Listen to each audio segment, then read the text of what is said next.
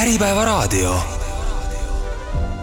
saadet toetab Admirals, Eestist alguse saanud juhtiv rahvusvaheline finantsteenuste keskus. tähelepanu, investeerimine on seotud riskiga. tutvuge tingimustega admirals.com kaldkriips ee ja vajadusel konsulteerige asjatundjaga tere, head Äripäeva raadio kuulajad, algas saade investeerimisportfell kaks tuhat kolmkümmend. Mina olen saatejuht Jaan-Martin Raik ning äh, olen täna kutsunud äh, stuudiosse börsikaupleja Markus Tamme. no tervist, hea meel on tagasi olla siin oma saates, aga seekord siis teisel pool lauda saatekülalisena. just, et, äh, et oled siis nii-öelda professionaalne kaupleja, tegid siis ka eelmisel nii-öelda hooajal siis sedasama saadet, juhtisid et äh, täna siis saamegi rääkida, mm, mida siis professionaalne kaupleja ise nendest saadetest äh, kaasa võttis, mida õppis ja siis milline see sinu strateegia täna on ja kuidas sa aktsiaturgudel äh, võimalusi näed? jah, kohe päris mitu laia küsimust, aga hakkame otsast pihta, et kõigepealt tahaks öelda, et kui kuulajad mõtlevad, miks ma siit ära kadusin, siis see oli eelkõige seotud minu äh, asukohavabaduse soovidega enne suve eelmisel aastal ja Äripäeva meeskond oli väga toetav ja hea koostööpartner, et äh, tänud selle võimaluse eest siin äh, saadet juhtida. aga, aga mis ma siis ise kaasa võtsin ja, ja siin kogesin neid saateid tehes, et äh, et noh, mitmed saatekülalised olid minule juba tuttavad inimesed, aga oli võimalus luua ka uusi tutvusi mõne kauplejaga olen peale saadet ka edasi suhelnud ja mõtteid vahetanud, mis äh, kindlasti on nagu suur, äh, suur kasum endale. Ja, ja üleüldiselt mõeldes, et äh, noh, minu jaoks, kui ma loen raamatuid või kuulan podcast'e või vestlen erinevate investorite, kauplejatega nagu siin saadetes, siis siis põhiliselt ikkagi ma õpin nagu passiivselt, et, et ma ei lähe kohe peale saadet, et näed, tema ostis seda aktsiat või tema teeb selliseid otsuseid, et ma nüüd pean samamoodi tegema, seda mitte. Aga hiljem, kui ma hakkan seda infot kuskil a la looduses vabas õhus liikudes nagu uuesti läbi seedima, mida ma just kuulsin või lugesin, et siis hakkab nagu tekkima endale mingeid mõtteid, kuidas võib-olla oma protsessi midagi juurde lisada aga, aga samas äh, üks selline taipamine erinevate kauplejate, investoritega suheldes, kes on ka seda juba aastaid teinud, on see, et et me, me kõik ikkagi teeme seda väga erinevalt, meie stiil on erinev ja minu jaoks, ma olen aru saanud, ikkagi investeerimine on väga personaalne, sest et me oleme kõik erinevad inimesed, erinevate eesmärkide,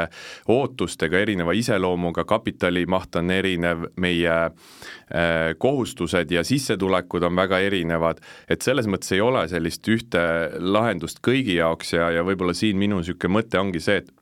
et et kui me alguses alustades investeerimiskauplemisega tahame nagu hästi palju teisi jälgida, targemaid, kogenumaid, et mida nemad teevad, siis ma tunnen, et mida aeg edasi, seda vähem ma tegelikult tahan teisi jälgida või, või kuidagi samamoodi teha, et pigem vastupidi, ma ikkagi igapäevaselt mõtlen sellele oma unikaalsele protsessile, et kuidas ma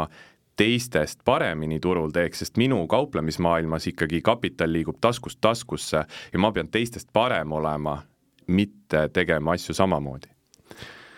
aga kas äh, midagi sellist praktilist äh, ka enda jaoks kaasa võtsid, et äh, mida sa siis nii-öelda rakendasin, rakendasid ka pärast, pärast saadet? seda on raske öelda, et nüüd midagi täpselt konkreetselt, sest vaata minu kvantitatiivse kauplemise maailmas kõik vastused on numbrites. ma ei osta ettevõtteid, ma kauplen aktsiahinda. ja, ja see, kuidas ma äh, mõjutan oma tehingute distributsiooni läbi stopi kasumisihi, omavaheliste suhete paigutuse, see on kõik, see strateegia loomine on minu jaoks väga niisugune pikaajaline protsess, kus ma backtest in oma ideid ajaloolise hinnadata peal, siis ma teen stress-testi, kuidas seesama strateegia teise turu või aktsiate peal toimiks, mida strateegia veel näinud ei ole mudelit luues, ja, ja siis live test väikeste summadega, enne kui see strateegia saab nagu osaks portfellist, sinna võib kuus kuud minna. Et, et kui ma saan mingeid ideid kelleltki teiselt, siis see ikkagi ennekõike eeldab, et ma lähen testin neid ideid ja sellest hakkab nagu sammhaaval midagi välja kujunema et see võiks olla ka siis nii-öelda soovitus äh, sellistele alustavale, alustavatele kauplejatele või, või investoritele, kes nii-öelda seda saadet kuulavad, et siis pigem äh, võta see info kaasa, testi seda ja vaata, kuidas see sulle endale siis äh, nii-öelda sobib. Jah, kuidas see sinu portfelli sobib, sest noh, minu jaoks ei ole igapäevaselt küsimus selles, et kuidas näiteks tootlust tõsta, mida, millele kõige rohkem mõeldakse või kuidas õigeid aktsiaid valida, et kuna minul kõik vastused on numbrites, siis tootluse tõstmine kvantitatiivses maailmas ei ole keeruline, rohkem riski, äh, võib-olla kontsentreeritum risk, on ju, äh, rohkem võimendust aga see kõik eeldabki, et su portfell on volatiilsem, sa riskid suurema kapitaliga, et kas sa saad õhtul äh, ka magama minna kõige sellega, et selles mõttes tootlust tõsta ei ole keeruline, aga see lihtsalt, kuna tasuta lõunaid ei, ei ole, siis see tuleb lihtsalt riskiarvega. et, äh, et alati on seal mingisugune tasakaalu küsimus ja, ja noh, leida see õige, et, et mitte pigem, et saada kõige kõrgemat tootlust näiteks või õigeid aktsiaid valida, vaid et kas ma selle võetud riski ja portfelli volatiilsuse eest saan nagu piisavalt premeeritud ja kuidas lisada siis äh, enda portfelli erinevaid strateegiaid, mis, mis ei ole korrelatsioonis ja toetavad üksteist aga nüüd äh, vaadates tagasi nendele saadetele, et kas äh, oli midagi sellist üllatavat ka sinu enda jaoks, et äh, mis äh, kohe kuidagi meelde on, on jäänud? Äh, noh, siin oli jah, väga e-, erinevaid inimesi, et, äh, et kes võib-olla on konservatiivsemate ootustega indeksites või ETF-ides või, või kes kogub pensioniks ja siis mõni teine, kes võib-olla ajab taga supertootlust, on ju, et tahab oma varasid kasvatada sadades protsentides aastat, aastas. Ja noh, ongi väga erinevad inimesed, et ähm, et, et kuidagi muidugi see, selle supertootluse koha pealt võtaks ju kaasa, et tahaks ise ka äh, sadu protsente aastas teenida, on ju, kes ei tahaks. aga jällegi, nagu ma just rääkisin hetk tagasi, siis minu maailmas äh, see ikkagi lõpuks jõuab numbritesse, et, et kas ma olen ka selle riskiga äh, nõus edasi liikuma ja minu meelest siin on riskitootluse seisukohalt ülihea näide me eh, kohalikul turul Eesti investoritele viimased eh, aastad on, Funderbeam on eh, nii hea näide sellest boom and bust'ist. me saime selle eufooria ja, ja, ja täispessimismi äh, tragöödia nii-öelda stsenaariumi, me saime kohalike investoritena näha siin seda nii hästi ja nii kiiresti, kuidas see kõik välja mängib, see tsükkel ja, ja see on hea näide, miks peab arvestama ka riskidega. väga head äh, mõtted äh, äh,. Sul oli siis tegelikult jah, et äh, väga erinevad äh, külalised äh, ja noh, mitmed olid, olid ka siis nii-öelda pigem investorid. Mm, kas äh, neilt oli sul endale ka midagi huvitavat äh, kaasa võtta või selline, ma ei tea, kui palju sa ise nagu ennast investorina näed? noh, minu ainuke investeering on mu kauplemissüsteem et äh, kuna mul kõik varad on minu kauplemiskontodel, mul ei ole seal kõrval ei pensionisambaid, ei kinnisvarainvesteeringuid, äh, osta-hoia portfelli, sularaha ega meelerahufondi, et äh, minu kauplemissüsteem ongi ka minu meelerahufond et, et niimoodi ma lihtsalt seal haldan oma riski, et mul on pidevalt likviidsust ja see likviidsus siis tekitab seda meelerahufondi. aga kui ma noh, jah, vaatan investoreid, siis äh, eks nende risk on nagu pikaajalisem, et äh, headel aastatel tundub elu kõik lill, aga lihtsalt kui ma olen ajalugu õppinud äh, hinnaliikumisi, siis tegelikult lihtsalt sees istudes ja hoides äh, sa võid ka kehval ajal äh, aasta-paariga anda ära oma pikkade aastate tootluse, et seda ei juhtu tihti, aga seda ikkagi saja aasta jooksul äh, on paar korda juhtunud, kui näiteks siin USA turust ja indeksist rääkida et äh, aga, aga nemad jälle mängivad mingit teist mängu, et noh, vaata võib-olla see üks erinevus, mida ma näen ja mida ma olen taibanud investoritega suheldes, et minu mäng on erinev, minu eesmärk on äh, raha turult välja võtta, mitte raha turule viia. et äh, kui paljud ikkagi koguvad pensioniks või, või äh, tahavad pikaajaliselt oma varasid kasvatada, siis jah, ma tahan ka varasid kasvatada, aga mul ei ole muud sissetulekut, et midagi portfelli juurde panna, ma pean iga kuu elamiseks välja võtma ja sellepärast see mäng on nagu täiesti teistsugune, et, et ma ei saa noh, väga, väga palju nagu investoritega samastuda aga kas äh, see tekitab kuidagi rohkem sellist äh, stressi või pinget ka, et sa justkui pead selle tootluse nii-öelda ära tegema või ära tooma turult? jaa, kindlasti, eriti kui ei ole psühholoogilist ettevalmistust selleks, aga seda ma olen äh, aastaid harjutanud oma, oma psüühikat ja, ja mõtteviisi, et see nii on ja, ja kui on kehvem aasta, nagu näiteks üle-eelmine aasta, kakskümmend kaks, siis siis tuleb ka hakkama saada, et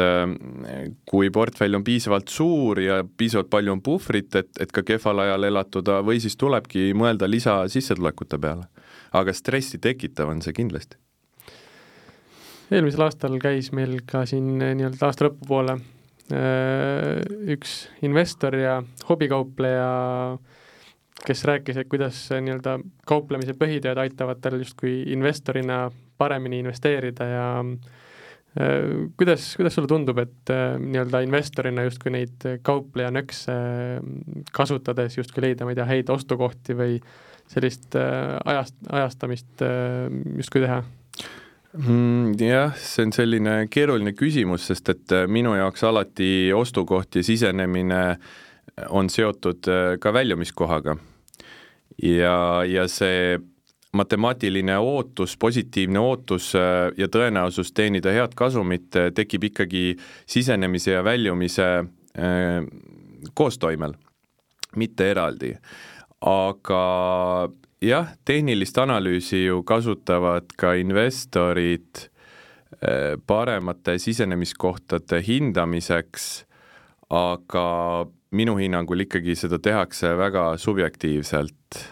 ehk siis seal ei ole nagu mingit äh, reeglipõhist strateegiat tihti nagu mul endal, et vot kui tuleb signaal, siis ma tegutsen ja kui ei tule, siis ei tee midagi. et subjektiivselt minu meelest on lihtsalt äh, noh, kui me oma arvamuse põhjal nagu vaatame seda graafikut ja tahame midagi teha, siis, siis me alati võime, olenevalt, mis tuju meil on, me võime noh, olla väga positiivne, väga negatiivne ja ja tihti see on seotud rohkem iseenda emotsioonidega kui, kui turuga, aga noh, ma arvan, et ikka võib, põhiline asi on ikkagi riskihaldus tegelikult võib-olla, mida võivad äh, investorid võtta kauplejatelt, et äh, kui mina riskin dollari, et teenida kaks dollarit ja see on nagu minu see põhiline mõõdik, et, et turul ellu jääda ja kasumit teenida, siis noh, ma arvan, et investorid peaks ka mõtlema väljumise peale, isegi kui nad ei plaani a la enne pensionit kolmkümmend aastat ei plaani väljuda, siis võikski kas või see reegel kuskil kirjas olla, et näed, et ma ei väljun siis, kui ma saan kuuskümmend viis, on ju, et ennem ma ei müü oma Apple'i aktsiaid. et, et kui see on plaan, ma ei ütle, et see on hea plaan, minu jaoks ei ole hea plaan, aga kui see on plaan, siis vähemalt see peaks nagu kirjas olema, sest muidu paratamatult, kui seda väljumist nagu kirjas ei ole, siis hakatakse tegema neid emotsiooni põhjal just sellel kõige halvemal ajal aga kas on mõni selline soovitus investorile ka, et äh, mida siis äh, võiks kasutada, kui tahad sellist äh, sise, sisenemist ja väljumist justkui enda portfellis ka võib-olla jälgida? vastavalt ajahorisondile, et kui ikkagi see ajahorisont on pikk ja aastaid või aasta, kümmet aastat, kümme aastat on soov aktsiat hoida, siis ei tasuks vaadata sellist äh, igapäevaseid võnkeid, et siis võib-olla ma vaataks kas iganädalaseid või igakuiseid võnkeid, et et sellised igapäevane üles-alla turu liikumine on investori jaoks ikkagi hinnamüra, infomüra. Ja ma, ma tean, et kuidagi siit nagu peaksin ütlema, et peaks seda nõrkust ja langust ostma investorina, kuigi ma ise ju kauplejana pigem ostan tõusu ja tugevust, sest ma tahan positsioneerida ennast tõusvatesse aktsiatesse, mitte jääda kinni nendesse kaotajatesse turul aga võib-olla teatud stiili puhul on parem osta nõrkust, aga mitte seda esimest kukkuvat nuga, vaid siis, kui ikkagi asjad on natuke rahunenud maha. et, et mingi, mingi põhja, noh, aktsiad teevad põhja ikkagi tihti ka mingid nädalad või isegi kuud, et, et ei tasu nagu kohe esimene languse päev sisse tormata nüüd äh, tööriistade poolelt, poolelt ka, et, et siin äh, nii-öelda investorid ja kauplejad räägivad palju sellistest äh, kahesaja päeva libisevatest keskmistest MACD-d, RSI-d, et kas need on ka mingid sellised tööriistad, mida siis üks selline tavaline investor justkui võiks ka kasutada? kahesaja päeva libisev keskmine on hea ja pikaajaline indikaator, et üldiselt noh, ta ei ennusta tulevikku, mida paljud tehnilisest analüüsist otsivad, aga ta lihtsalt aitab sul õigele poole turgu ennast positsioneerida, ehk siis kui ikkagi hinna siksak teeb kõrgemaid tippe, kõrgemaid põhjasid kahesaja päeva libisevast keskmisest kõrgemal, siis on fakt see, et see aktsia on tõusul, on ju. et sa ei peagi kaugele ette teadma, sa lihtsalt saad arvestada sellega, et, et selles aktsias pigem peaks pikaks Äh, vaatama ja ennast positsioneerima. kui nüüd aktsia hinna siksak teeb äh, madalamaid äh, tippe, madalamaid põhjasid kahesaja päeva libisevast keskmisest allpool, siis tegemist on langeva aktsiaga ja, ja see langus võib kesta ka kuid ja aastaid, nagu ka siin viimased paar aastat oleme mingite kasvu ja tehno-, väiksemate tehnoloogiaettevõtete puhul näinud, et, et siis pigem tasub olla sellest aktsiast väljas minu hinnangul, aga äh, aga RSI ja MACD on pigem sellised lühemaajalisemad indikaatorid, et äh, kui neid päeva, päevagraafikul äh, nende vaikimisi seadetega vaadata, mis seal on, neliteist RSI ja kaksteist, kakskümmend kuus, üheksa on see MACD vaikimisi seade tavaliselt, siis äh, need on liiga lühiajalised investorile, see pigem annab ainult seda igapäevast hinnamüra. aga kui palju sa ise nüüd nii-öelda oma strateegiaid äh, justkui ümber vaatad, et äh, sa siin rääkisid, et sa nagu testid niimoodi pool aastat, äh, kui siit noh, ütleme, et saad mõnelt investorilt või kauplejalt mingeid mõtteid, et et kui palju sa reaalselt sellist strateegia muutust läbi viid enda portfellis või selles süsteemis? Jah, noh, süsteem ongi jah, mu portfell, et selles mõttes võib seda nimetada mõlemat pidi, üldiselt on see, et noh, ma hetkel kauplen kümmet strateegiat ja ma tahangi, seepärast mu see strateegia loomise protsess ongi selline jäik ja väga samm-sammult konkreetne, robustne, et ma tahan luua sellised head strateegiad, mis ei sure ära mõne kuuga, neid küll tuleb ajas monitoorida ja siit tulebki see, et ma ei, see, see sõna muutmine on nagu niisugune liiga järsk, et, et ma ei taha väga muuta, tegelikult ma ei tahaks üldse strateegiaid muuta, sest et äh, väga tihti kauplejad muudavad äh, lihtsalt emotsioonidest, kuna strateegial on kehvem aeg. aga kehvem aeg ei tähenda alati seda, et midagi peaks muutma, kui see kehvem aeg on äh, nii-öelda ootuspärane, et seda on ka ajaloos varem olnud ja see kehvem aeg tuleb koos paremate aegadega ja kokkuvõttes see tulemus on väga hea koos nende kehvemate perioodidega. ehk siis äh, ma ei taha nagu väga palju muuta, küll aga ma pean neid ajas optimeerima natukene optimeerima, kuna turud muutuvad, eh, tehnoloogia areng, turuosaliste käitumine, kõik see nagu natuke turge muudab, aga kui mu strateegiad on nagu põhimõtteliselt robustsed ja seal on mingi turufaktor taga, mida ma taga ajan oma, oma sisenemis-väljumisreeglitega, siis, siis tegelikult reaalsuses ma ei peaks väga muutma ja senise siis aastate jooksul, mis ma, mis ma olen äh, viimast kuus-seitse aastat oma süsteemi üles ehitanud, ma olen pidanud ainult ühe strateegia äh, tagasi riiulile panema, mis oli mul üks äh, lühikeseks müügisektorite strateegia, mis kaks tuhat kakskümmend kaks karuturul kaotas raha, kuigi ta oli mõeldud just karuturul nagu portfelli toetuseks, et seal natuke see valimi suurus, mille pealt ma testisin seda, oli väike ja tagantjärgi saan aru, et, et see ei olnud nii hea strateegia, kui ma arvasin. aga mille põhjal siis äh, üks kaupleja justkui võiks äh, sellise otsuse teha, et ta nüüd hakkab oma strateegiat kuidagi nihutama või, või muutma, et et mis see märk siis võiks olla, kui just tootlust ei, ei vaata või? jah, noh, ongi nüüd see, et vot see on, see on üks hea point, miks tulebki strateegiat ise luua või selle loomisprotsessi juures ise kaasas olla, sellepärast et kui sa lihtsalt ostad mingi musta kasti, nagu noh, meil on populaarsed mingid Foreksi botid, krüptobotid, et et need võivad olla head strateegiad, süsteemid selle looja jaoks aga kui sa ei tea, miks see strateegia raha teenib, siis väga raske on selle strateegiale truuks jääda läbi aja, läbi kehvemate perioodide. ja, ja selle, see eelis, et ma olen ise oma strateegiad välja mõelnud, loonud, testinud, siis ma tean, miks see strateegia raha teenib, ma tean, mis turuolukorras see strateegial nõrgem aeg on ja nüüd ongi see, et kui ma nüüd vaatan ajalooliselt ja, ja vaata, mis hetkel turul toimub, siis ma saan kohe aru, et kas see eh, kehvem periood on nagu ootuspärane ja ma ei pea midagi muutma. Või strateegiaga lihtsalt eh, peale vaadates toimub midagi, mida pole varem olnud, kas siis strateegia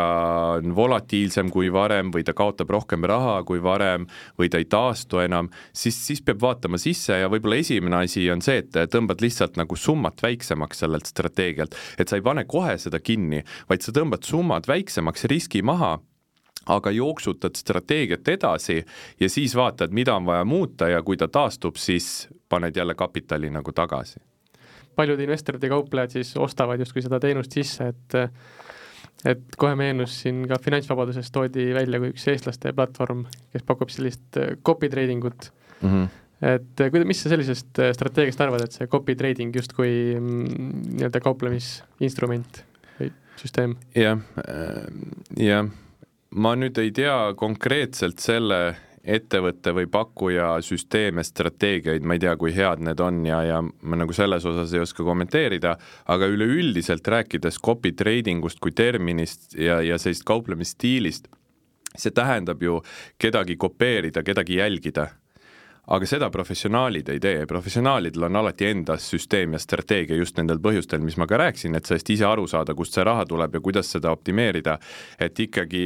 teisi jälgivad copy trading ut kasutavad äh, amatöörid, ma loodan, et keegi ei solvu, aga see paraku nii on, alustajad, amatöörid äh,, pigem vähem kogenumad, sest äh, kui sa ka jälgid mingeid edukaid investoreid või kauplejaid, siis äh, keegi ei proovi teisi kopeerida, on ju, Buffett, Druckenmiller või Soros äh, ei istu kuskil jututoas või, või foorumis, et äh, kuulge, soovitage mulle mingeid aktsiaid, on ju. et see paraku see, see kopeerimine ja teiste ideede nurumine on ikkagi selline vähem kogenum, vähem kogenud kauplejate teema, et, et mina seda isiklikult ei noh, ise ei soovi seda teha, ise ei poolda.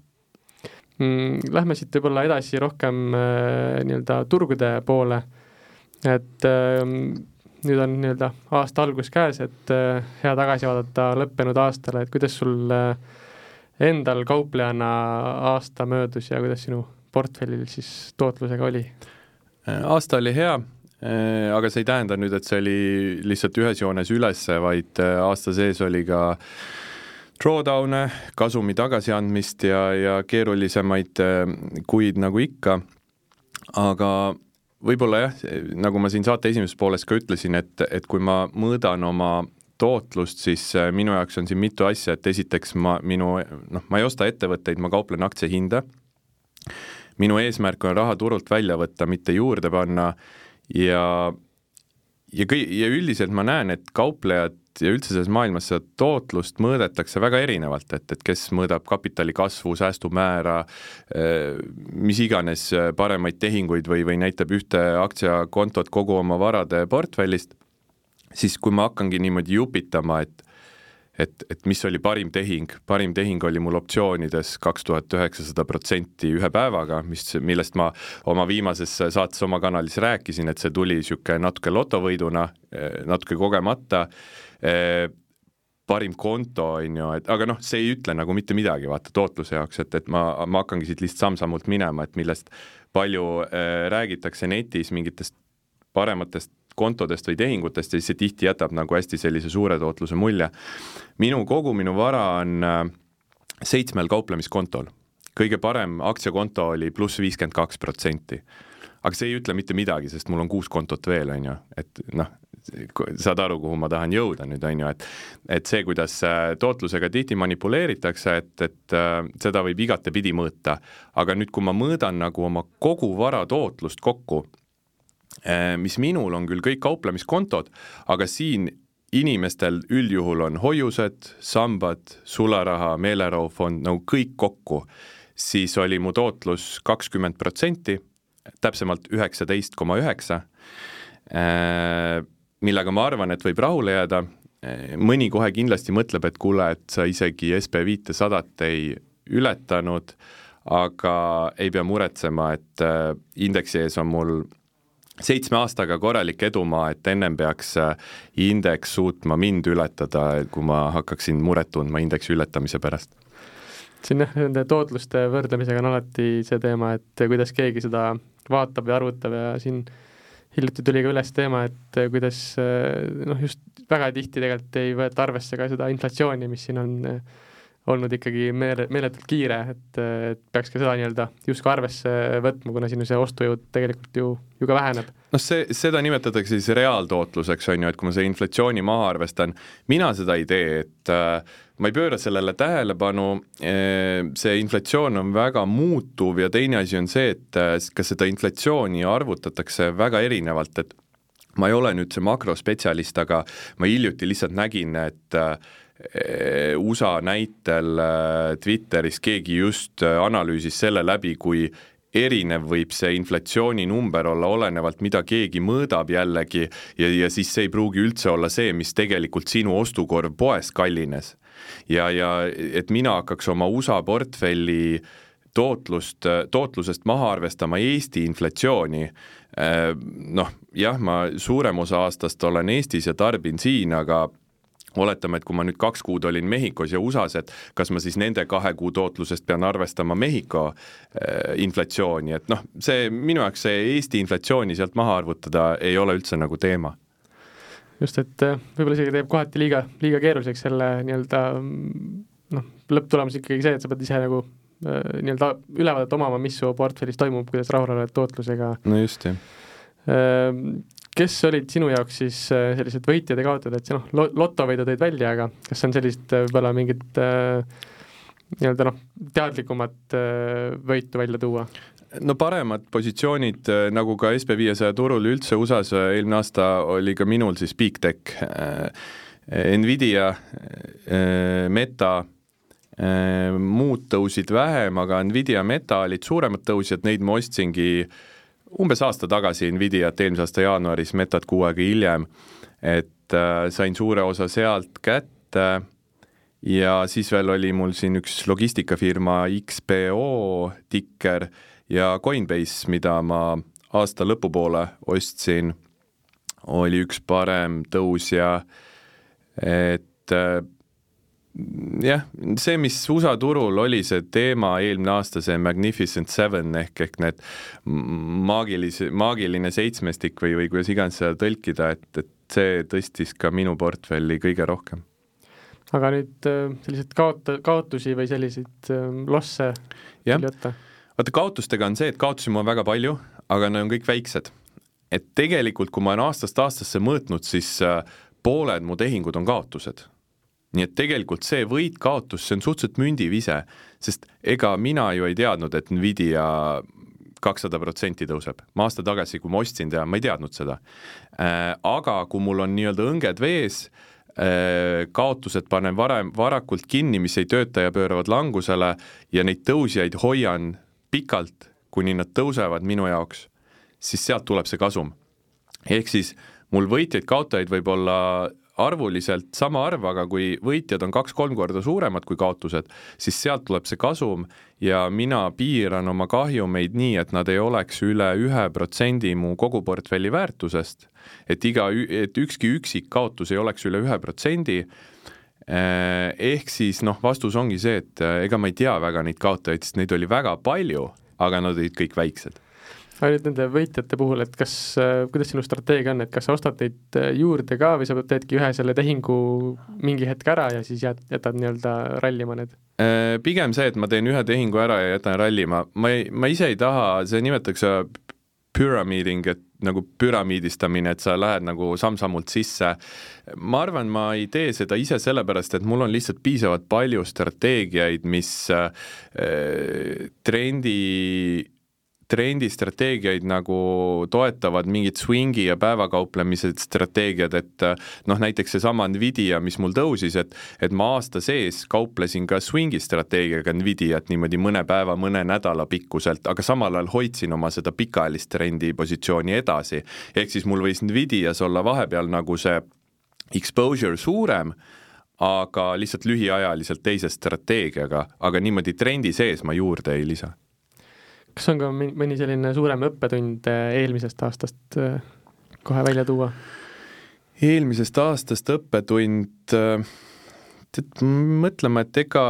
ük-, ük-, tead üks selline taipamine oli mul aasta lõpupoole, et äh, see ei olnud midagi uut minu jaoks, aga lihtsalt, et vaata aeg-ajalt peab endale lihtsalt psühholoogia jaoks meelde tuletama, miks ma midagi teen ja, ja mis see nagu mõte üldse selle kõige taga on ja ja üks selline taipamine oli minu jaoks see, et ega tegelikult ju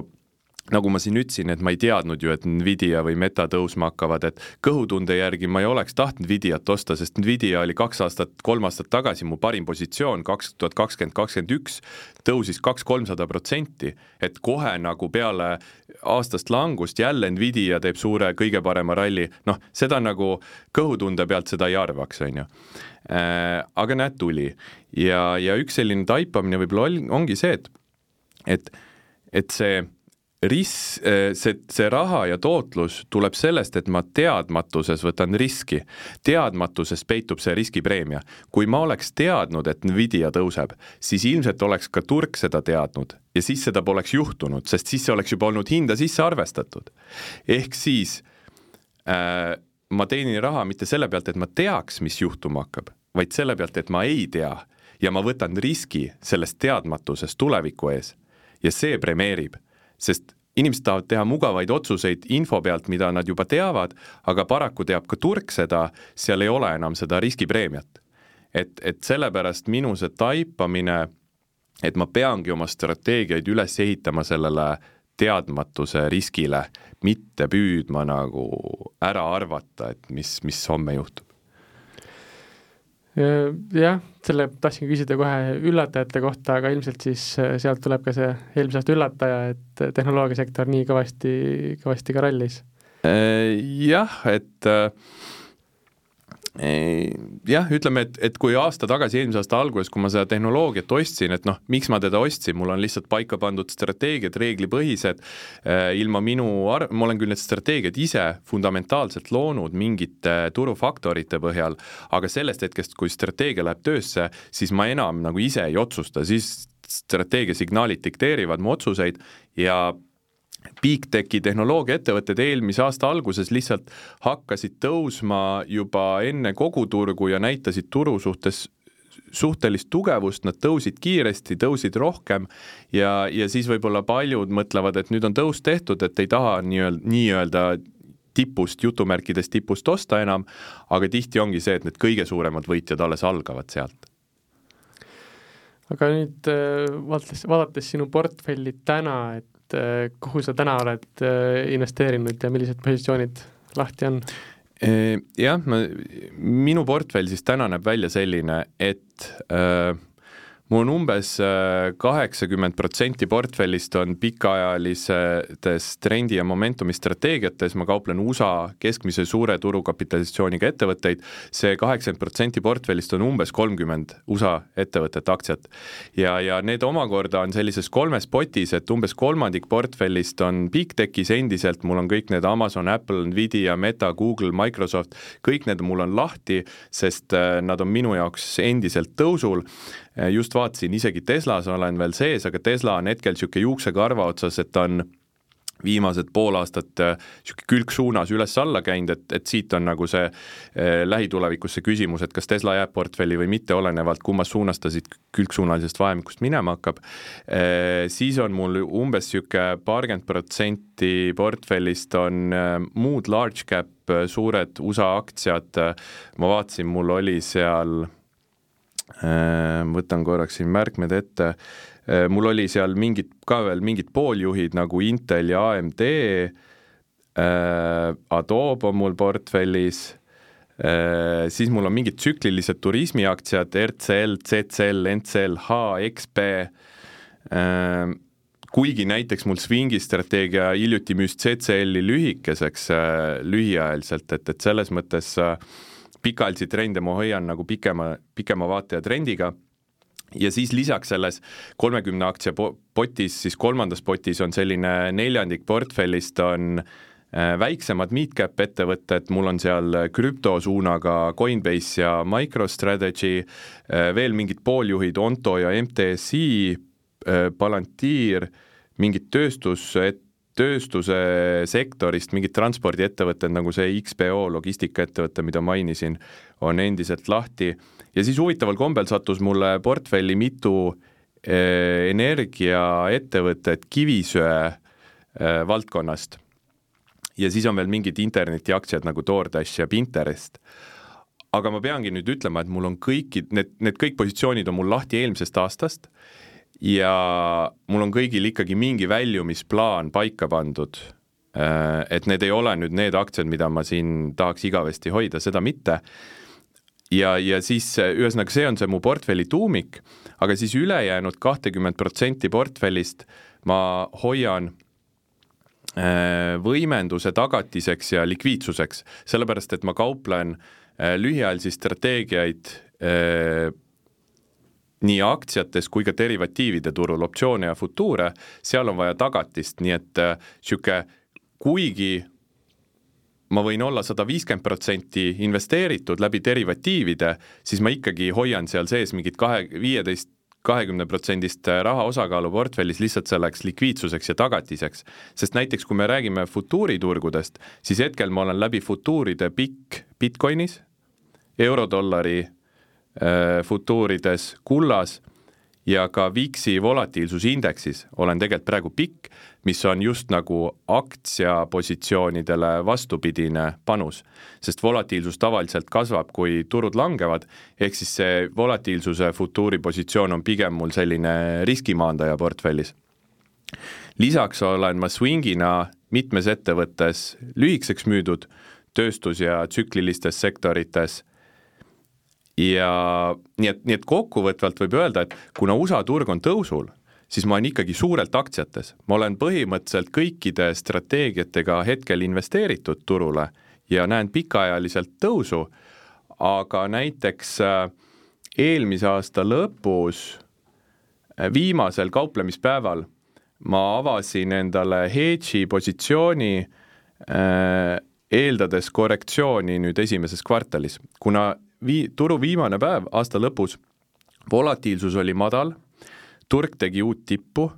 eel, tagasivaatavalt siis see tipupäev oli eelnev päev sellele ja, ja kuidas ma siis positsioneerisin ennast nii, et ma olen, et ma saan olla aktsiates pikk ja panustada tõusule, aga samal ajal lühiajaliselt panu-, panustan korrektsioonile ja, ja mitte suurele, selline viis kuni kümme protsenti, nüüd aasta alguses paar protsenti turg langes, aga ma tegelikult tahaks nagu esimeses kvartalis, ma tahaks natuke rohkem langust näha ja, ja ma positsioneerisin nii, et ma ostsin aprilli aegumisega SB viiesaja put optsioone,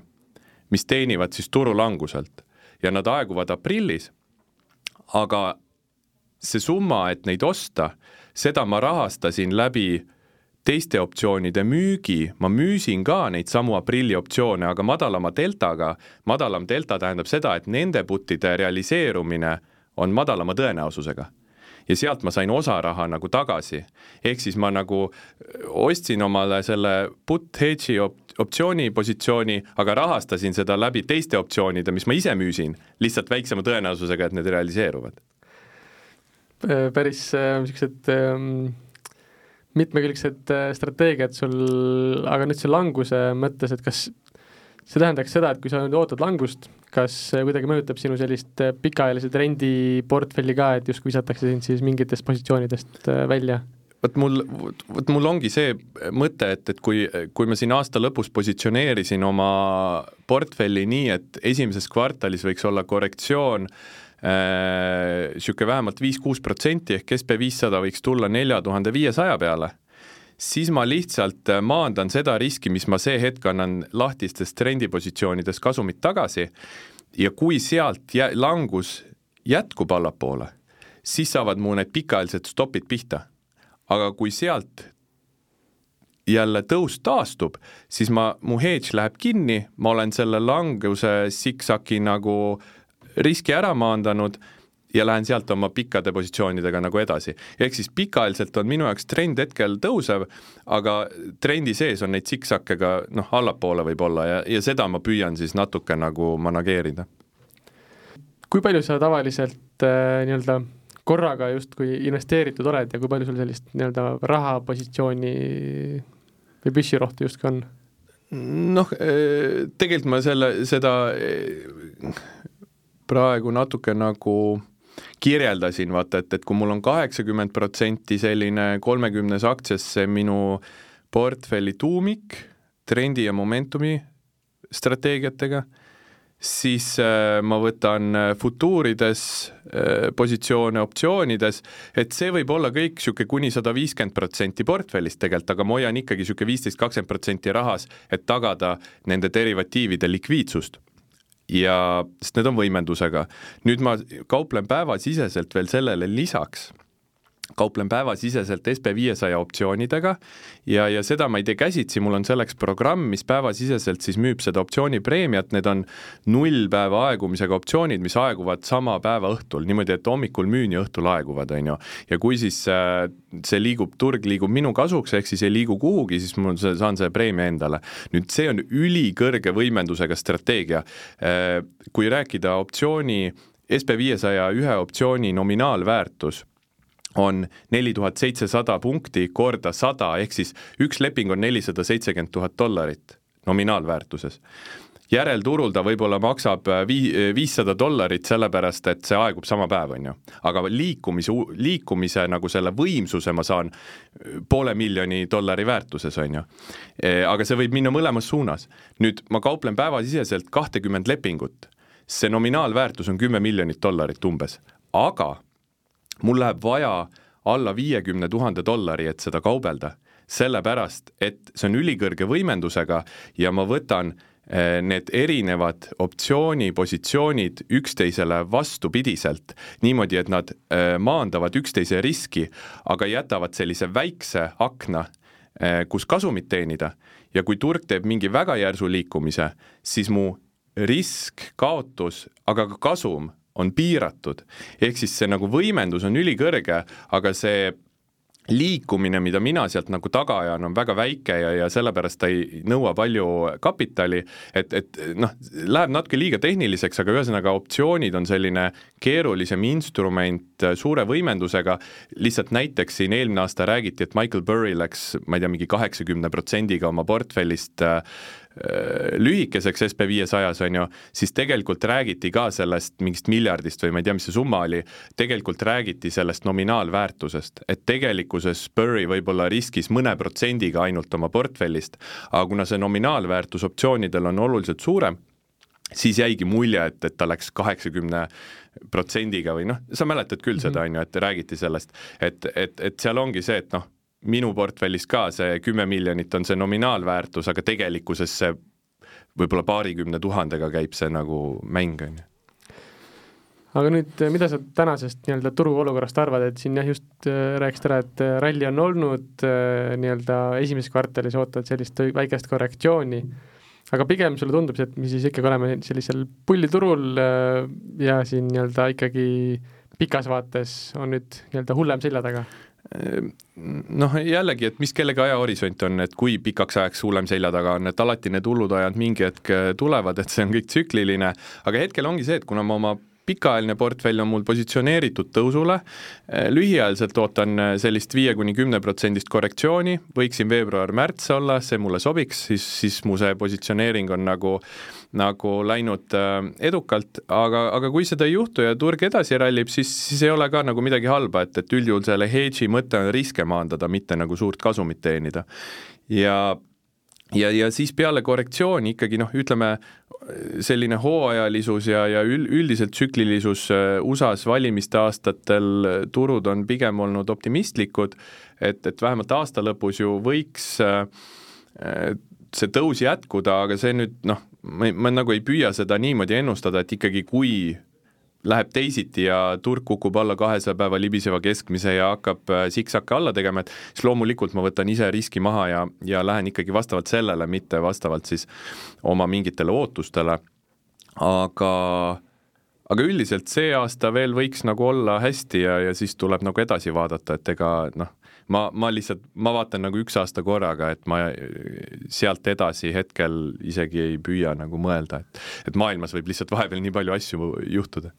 just, et siin on näha olnud, et neid musti luiki tuleb siit igast, igast nurgast. no just. Äh, võtame siia saate lõppu veel ühe, ühe teema, stop-loss'id ja siin yeah. käis läbi, et sa ju, sul endal on portfellis Adobe aktsiad äh, investor Toomas siin aasta lõpus pani ka vist, ma ei tea, kas esimest korda oma elus stop-lossi orderi sisse, mis siis täitus noh, ütleme, ma ei tea, kas päev-kaks hiljem põhimõtteliselt, et äh, ostis siis äh, või noh, läks äh, order käiku siis viiesaja kaheksakümne kahe dollari pealt äh,, sai küll äh, sellise kakskümmend viis protsenti või kakskümmend kaheksa protsenti kasumit äh, lukku löödud, aga aga nüüd on nii-öelda positsioonist väljas, paari päevaga tõusis aktsia uuesti sinna samale tasemele tagasi,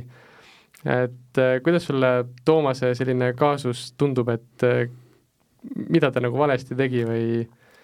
aga kas tegi valesti, et äh, kui minu jaoks saab stopp pihta, siis selle stoppi ma selle mõttega paningi, et kui hind sinna jõuab, siis stopp pihta saaks. nüüd ma küsikski vastu, et miks see stopp sinna sai pandud? Stopp läks äh, käiku, et äh, nii-öelda kasumit kaitsta ja, ja et mitte jääda sellest seekord ilma, kuna Adobe'iga oli see, selline juhtum, et ühel hetkel Toomas juba, juba sai päris kõvasti pihta niimoodi, et magas tipu maha ja siis mm -hmm. avastas alles, kui oli seal kuskil neljasaja dollari peal. noh, noh, investor Toomas on äh, kogenud ja, ja teinud aastaid head äh, tulemust, aga mulle selle konkreetse kaasuse puhul tundub, et äkki see oli siis seotud hirmuga kasumit ära anda, ehk siis tegelikult see oli nagu emotsioonistopp see ei olnud nagu võib-olla mingi ratsionaalne analüüs, on ju, selle taga, et miks see just sinna see stopp läks. ja, ja, ja tegelikult sellepärast ongi, et tuleb, kõigepealt tuleb mõelda, et mis asi see stopp üldse on. stopp on lihtsalt täiesti tavaline turutehingu korraldus lisakriteeriumiga, et see aktiveerub mingi kindla hinna pealt aga tegelikkuses meile võib jääda mulje, et see nimi stop loss on nagu mingi maagiline abivahend kaitse äh, lossi ehk kaotuse vastu, tegelikult ta on lihtsalt tavaline turutehingu korraldus lisakriteeriumiga, et ta aktiveerub mingi kindla hinna pealt. ja nüüd sai see pandud sinna viiesaja kaheksakümne kahe dollari peale Toomasel ja, ja ta aktiveerus, on ju. et äh, nüüd ongi nagu küsimus, et, et miks see sai pandud ja, ja võib-olla poleks pidanud seda panema, et äh, siin tuleb jälle mängu see ajahorisondi küsimus. minu jaoks jaoks hetkel pikaajaliselt Adobe on endiselt tõusul, ta on üle oma kahesaja päeva libiseva keskmise, teeb kõrgemaid tippe, kõrgemaid põhjasid seni veel, nagu, nagu ma ennem kirjeldasin siis enda jaoks seda tõusutrendi definitsiooni, ehk siis äh, võib-olla pani liiga lähedale selle stopi oma ajahorisondi jaoks, et lühiajaline swing-kaupleja võib kaubelda seda pikaks-lühikeseks, äh, müüa-osta nädal sees, nädal väljas, aga see oleneb jälle see, et mis see vaade on, on ju. et äh, minu jaoks hetkel Adobe'il on selline ümmargune tase nagu viissada dollarit. et kui alla viiesaja dollari hind kukub ja hoiab, et siis pigem võiks võtta riski maha aga nüüd küsimus ongi selles, et siis tundub, et siis annad nagu liiga palju ära ja minu jaoks kvantitatiivselt ongi see küsimus selles, et äh, kui ma panen stopi kaugemale, siis minu võidumäär paraneb, sest stopp saab väiksema tõenäosusega pihta, aga jällegi, kuna kaotus saab suurem olema, siis see võidu-kaotuse suhe halveneb. teistpidi, kui ma panen stopi hästi lähedale, siis minu võidumäär halveneb, sest stopp saab kiiremini pihta, aga samas mu kaotused on väiksed, ehk siis võidu-kaotuse suhe jälle paraneb. ehk minu jaoks on see lihtsalt tehingu distributsiooni manipuleerimine selle stopi kasumisihiga, aga kuna pikaajalisel investoril kasumisihti ei ole, ja ta tahab ikkagi tõusul olla pikalt sees, siis paraku peab selle stopi panema kaugemale ja riskima selle suurema kasumi tagasiandmisega. sest minu hinnangul lihtsalt noh, arvuti ütleb, et statistiliselt see on parem otsus, et seda stopi pikaajalises vaates ei tohi lihtsalt liiga, liiga lähedale panna. aga kas see on siis üldse selline nii-öelda tööriist, mida siis üks investor võiks kasutada või pigem võiks vältida seda siis? pigem äh, investorina sa ei pea seda stoppi sisse panema, et ta päeva sees pihta saab. mina pikaajalisi trendipositsioone haldan päeva lõpu sulgumishinnaga ja vaata, minul on küll reeglipõhine, aga ütleme, et kui Toomas teeb siis päeva lõpus, turg sulgub, teeb oma mingi ratsionaalse analüüsi või ta vaatab oma valmis plaani ja näeb, et nii, siit tasemelt ma tahtsin ära väljuda, siis pikas vaates see, kas sa väljud sealt päeva sees stopiga või järgmise päeva avanemisel või isegi kolm päeva hiljem, mõjutab tegelikult väga vähe pikas plaanis, kui sa hoiad seda aktsiat äh, kuid või aastaid. et selles mõttes äh, investoril ei ole seda päevasisest stoppi vaja, kui tal on nagu portfell hajutatud, väiksed positsioonid, ta võib selle otsuse teha ka siis, kui turg on sulgunud, teeb selle otsuse ja siis realiseerib selle tehingu käsitsi järgmisel või ülejärgmisel turupäeval väga head mõtted, siinkohal on meil kahjuks saateaeg otsa saanud, aitäh, et saatesse tulid, elukutseline kaupleja Markus Tamm! aitäh kutsumast! saates rääkisime siis, milline oli kaupleja eelmine aasta ning millise strateegiaga uuele vastu minnakse ning kuidas siis kasutada stop-loss orderit edukalt. Saadet juhtis Jaan-Martin Raik. äripäeva raadio saadet toetab Admirals, Eestist alguse saanud juhtiv rahvusvaheline finantsteenuste keskus. tähelepanu, investeerimine on seotud riskiga. tutvuge tingimustega admirals.com kaldkriips ee ja vajadusel konsulteerige asjatundjaga